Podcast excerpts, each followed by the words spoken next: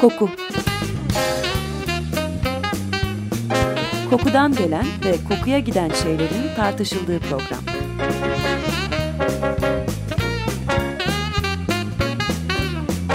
Hazırlayan ve sunan Vedat Ozan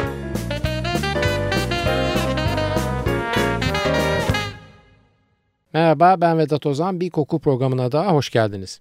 Bütün duyularda ortak bir yan var. Görme, işitme, dokunma, tat alma veya koklamada hedef duyumuzu uyaran nesnenin veya kısaca uyaranın miktar ve yoğunluğuna bağlı olarak algımızda da değişimler oluyor.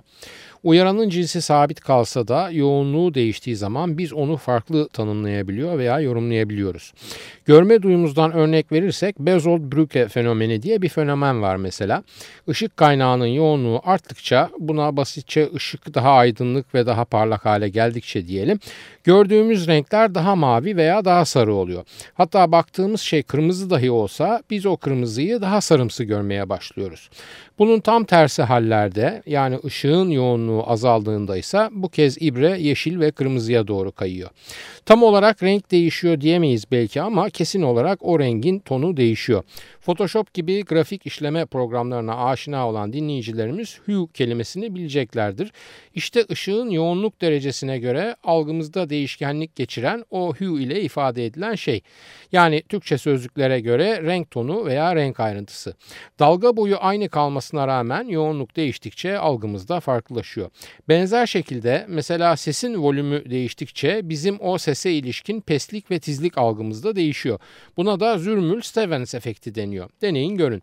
Bütün duyularda buna ilişkin örnekler ve kanıtlanmış araştırmalar bulmak mümkün. Demek ki beynimiz bir uyarandan sadece bilgiyi almıyor, o bilgiyi değişkenlik içinde yorumluyor da. Ne kadar mutluluk verici bir şey. Bu mutluluk verici gerçeğin kapsamından elbette koku duyumuzda ayrı ve uzak kalmıyor. Yoğunluğuna bağlı olarak tek bir koku değişik duygulara yol açabiliyor. Üstelik bu duyguları bir başında çok güzel, öbür başında da çok kötü olan bir çizgi üzerinde değerlendirmeye kalkarsak aynı şeyin kokusu bu çizginin iki ucu arasında yani çok güzelle çok kötü arasında gidip gelebiliyor. Aslında daha önce de çok örnek vermiştim. Çoğu parfüm ham maddesi bu kuralı bize birebir yaşatıyor. Yani doğal hallerinde itici, seyreldikçe ve yoğunlukları azaldıkça da çekici kokabiliyorlar. Kokabiliyorlar mı demek doğru yoksa biz onları öyle algılıyoruz mu demek daha doğru bilemiyorum. Çünkü sonuçta kokunun kaynağı aynı sadece yoğunluk değişiyor. Dışkımızda yoğun olarak hissettiğimiz sevdiğimiz ve bize itici gelen indol daha seyrelmiş halde Yasemin çiçeğinin doğal yapısı içinde koklandığında son derece tahrik edici ve baş döndürücü olabiliyor. Keza sivet veya misk laboratuvarlarda neredeyse maske takılarak işlenirken parfümünüzün formülünde o binde bir kadar seyreltilmiş halleriyle size unutulmaz keyifli kokulu bir deneyim yaşatabiliyorlar. 1937'de Teksas'ta meydana gelen bir ölümcül kazadan beri gerek hava gazı gerekse doğal gazlar yani evimizdeki ısıtıcı yakıtlarımız bize borularla servis edilmeden önce tiol denen merkaptan grubundan bir maddeyle kokulandırılıyorlar. Aslında doğal gaz kokusuz ancak bildiğiniz gibi bir uyarı önlemi olarak tiyolle kokulandırılıyor. Bu maddenin çok düşük bir moleküler ağırlığı var. Bu nedenle hemen havaya karışılabiliyor ve biz çok çabuk kokusunu alıp uyarılabiliyoruz gazın ortamımıza karıştığı konusunda. Yani olmaması gereken yerde olduğundan haberdar oluyoruz ve ona göre önlem almaya çalışıyoruz. Esas adı tetrahidrotiopten olan tiol aynı zamanda bozulmuş şarap ve fazla ışıkta kalmış bir adada bizi uyaran kokusunu sonradan konularak değil doğal bir reaksiyon sonucu veriyor. Sert ve itici sarımsağı andıran bir kokusu var tiolün hatta aynı aileden çoğu merkaptan grubu molekülünün e, böyle bir kokusu var. Kimyası olarak sülfür ve hidrojen bağından oluşuyor ve zaten sülfürün kokusu genelde çürük yumurta ve soğanla tarif edilir. Hatta bir dönem yani 2. Dünya Savaşı yıllarında 5 bileşenli sülfürlü bir koku bombası yapılmaya çalışılıyor.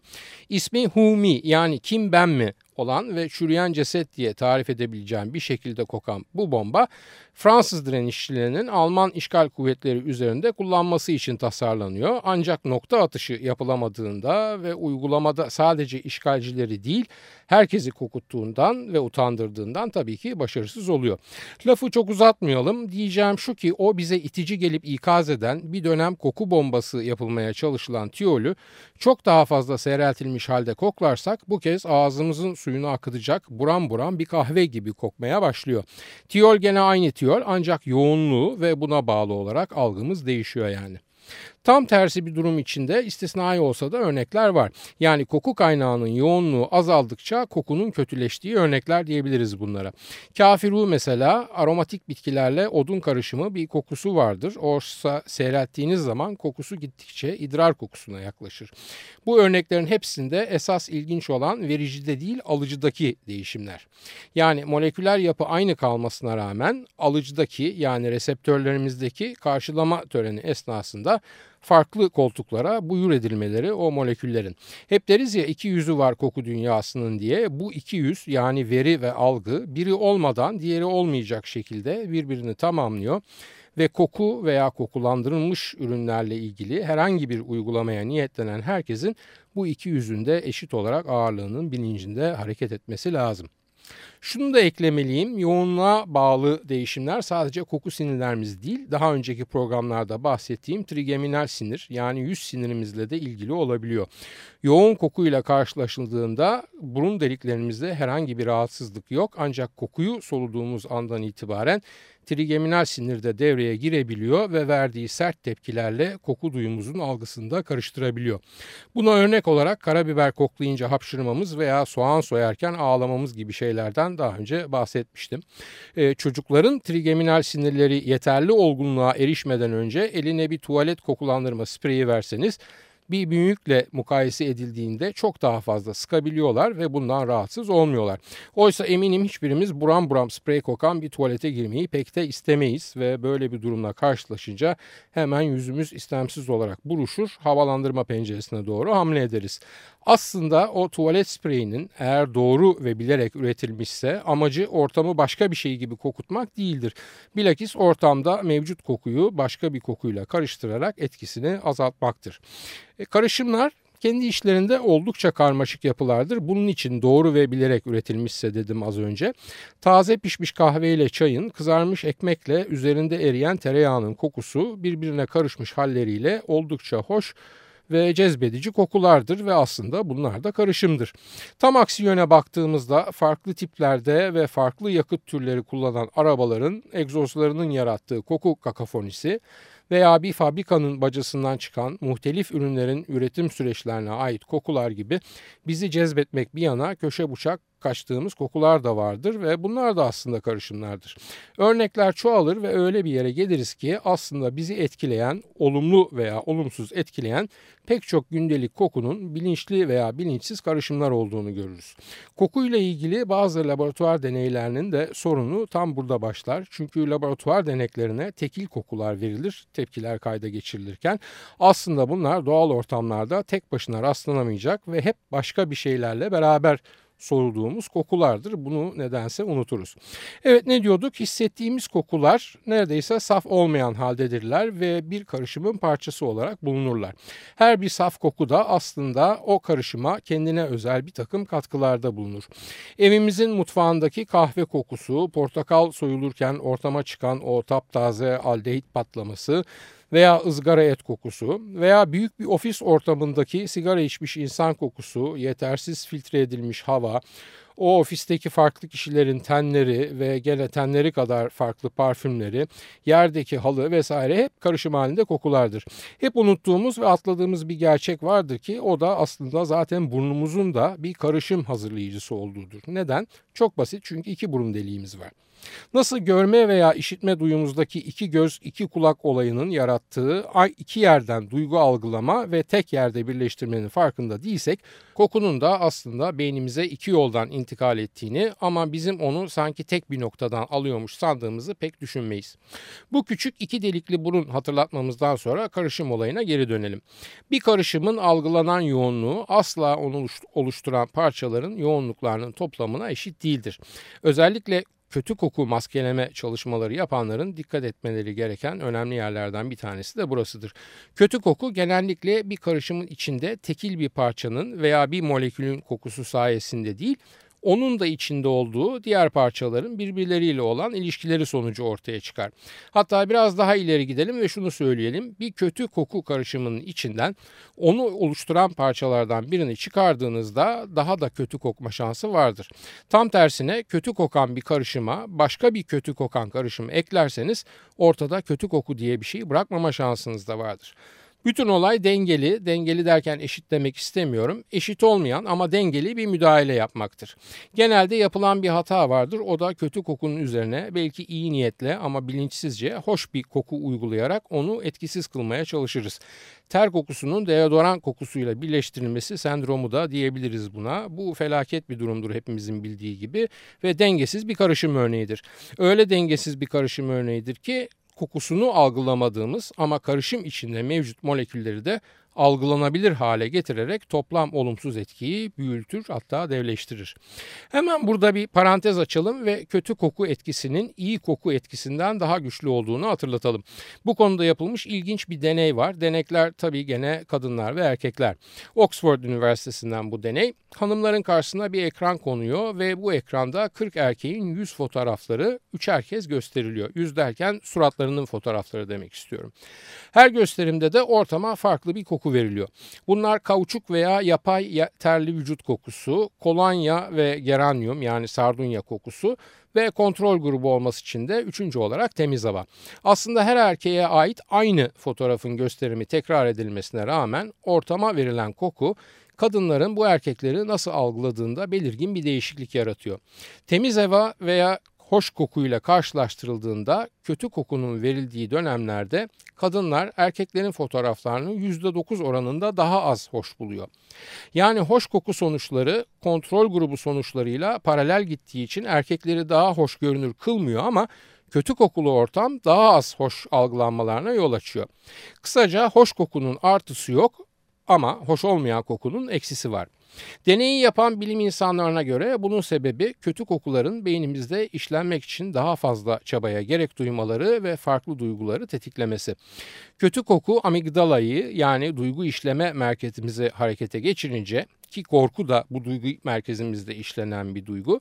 Bir nevi alarm durumuna geçiyoruz ve alarm halindeyken de bize verilen enformasyonu bu örnekte bu bir erkeğin yüzünün hoşluk derecesini daha negatif algılama eğilimi gösteriyoruz.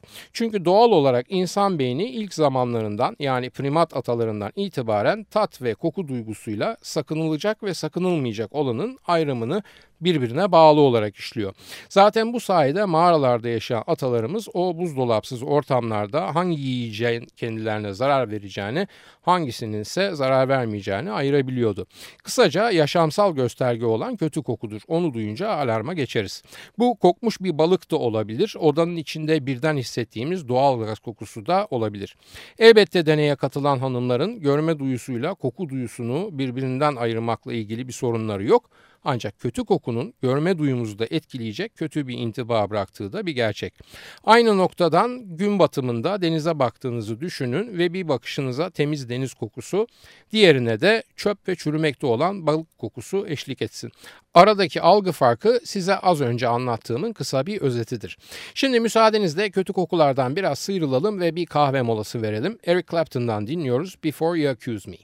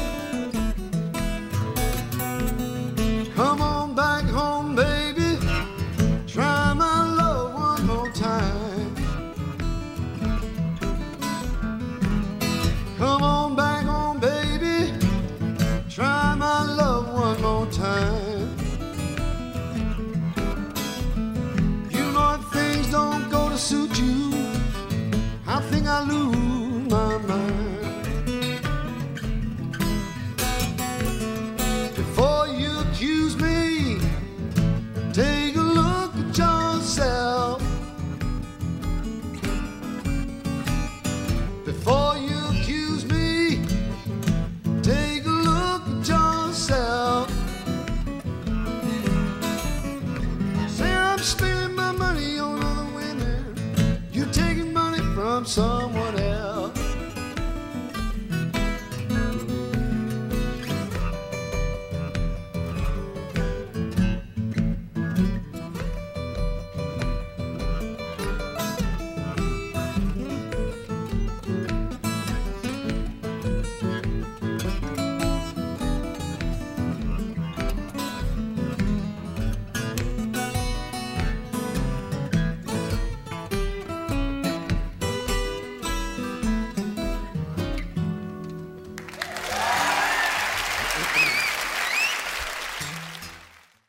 Açık Radyo 94.9 koku programındayız. Eric Clapton'dan dinledik Before You Accuse Me.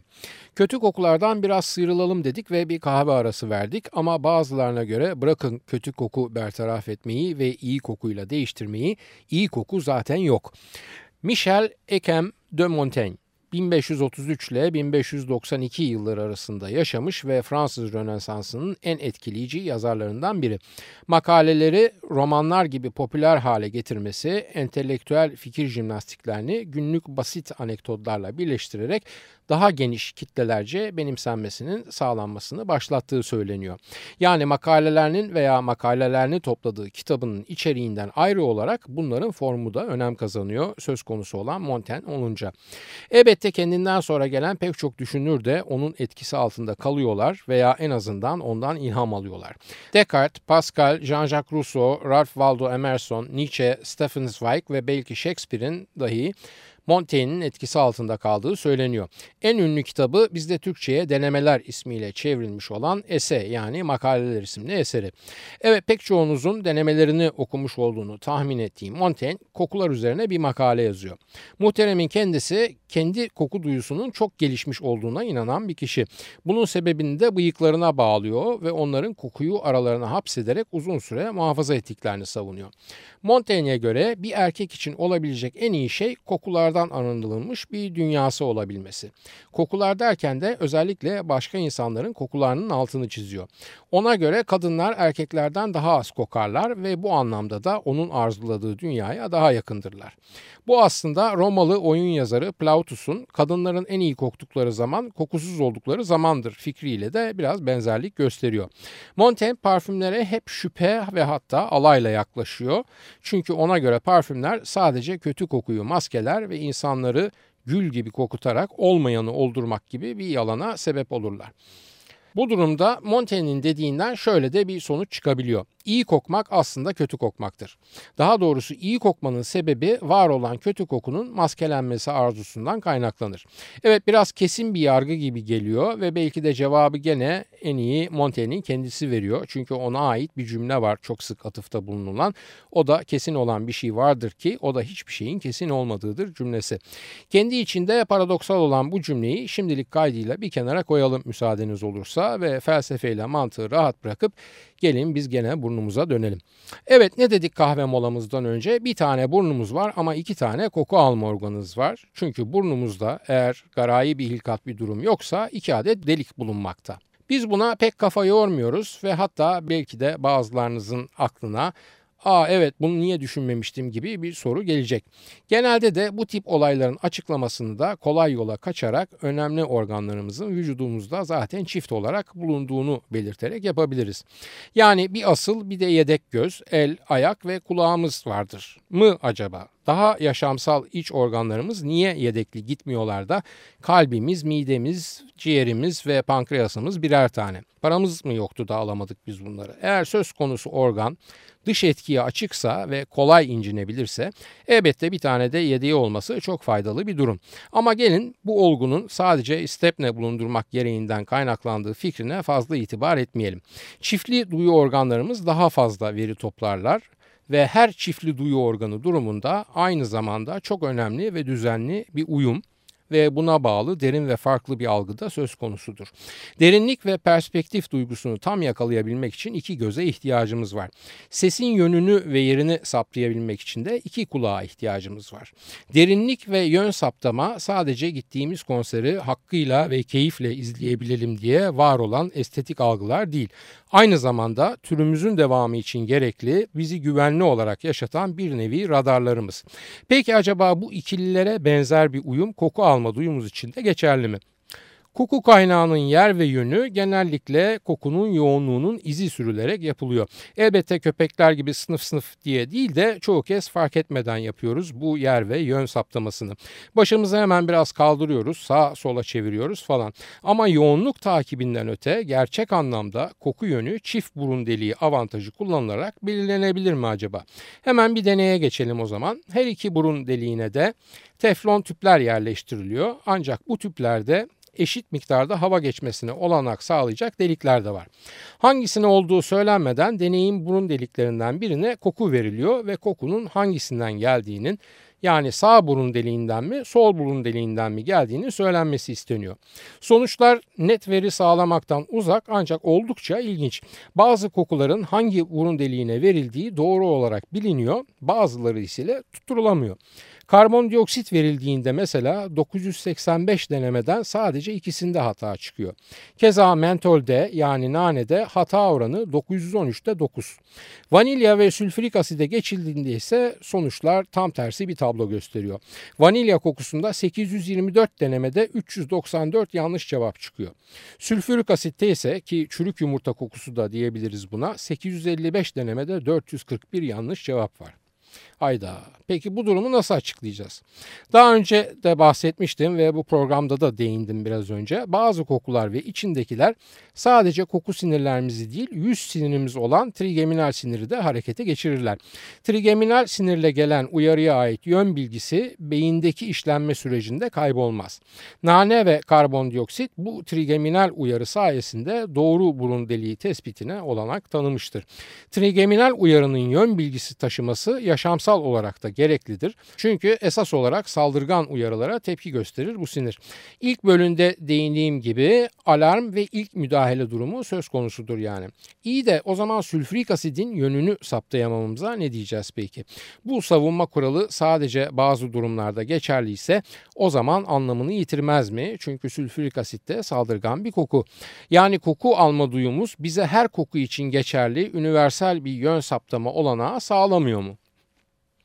Bir kokunun kaynağının yerini ve yönünü saptamamız tehlikeden kaçmak veya yaşamak için gerekli yiyeceği bulmak gibi ilkel yaşamsal durumlar için son derece önemli. Evet gördüğünüz gibi soru soruyu takip ediyor. Koku ve yön ve yer saptama ile ilgili yapılan bu deneyde sülfürik asit kullanılmasa her şey ne kadar da güzel olacaktı. Oysa şimdi elimizde yeni sorular var ve bu soruların cevaplarını verebilmekten en azından şimdilik biraz uzaktayız. Bizim almak istediğimiz cevabı net olarak verememiş olsa da bu deney aklımıza bazı başka saptamaları da getirebiliyor. Mesela benim aklıma ilk şu geliyor. Bir kokuyla ilgili ilk izlenim edinilmesiyle bir fotoğrafa bakarak izlenim edinme arasında çok büyük fark var. Bu farkın adı da zaman. Koku fotoğraf gibi bir uyaran değil zira koku zamanın içine gömülmüş bir olgu. Yani şunu demek istiyorum bu konuştuklarımız bağlamında. Burun deliklerinden birine bir nanosaniye ya da saniyenin binde biri milyonda biri kadar daha erken gelen bir koku uyarısı o koku kaynağının yön ve yeri konusunda bizi yanlışa götürebilir. Yön ve yer saptaması da ilkel anlamda ve bazı durumlarda yaşamsal önem taşıdığından dolayı belki de koku duyumuza güvenerek böyle bir yanlış yapmak yerine diğer duyulara itibar etmemiz e, aksi kanıtlanana kadar daha doğru olacaktır. Eh bu programda her zaman hem soruyu sorup hem de cevabı verecek değiliz. Bugün de sadece soruyu sormuş olalım ve cevabın zaman içinde yeni ve daha titiz deneylerle çıkmasını dileyelim.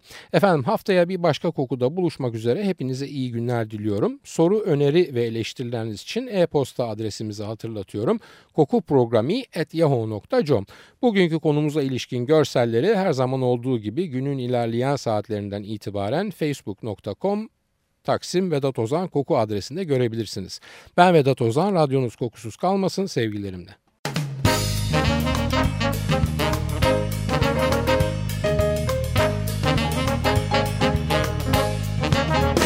Koku Kokudan gelen ve kokuya giden şeylerin tartışıldığı program.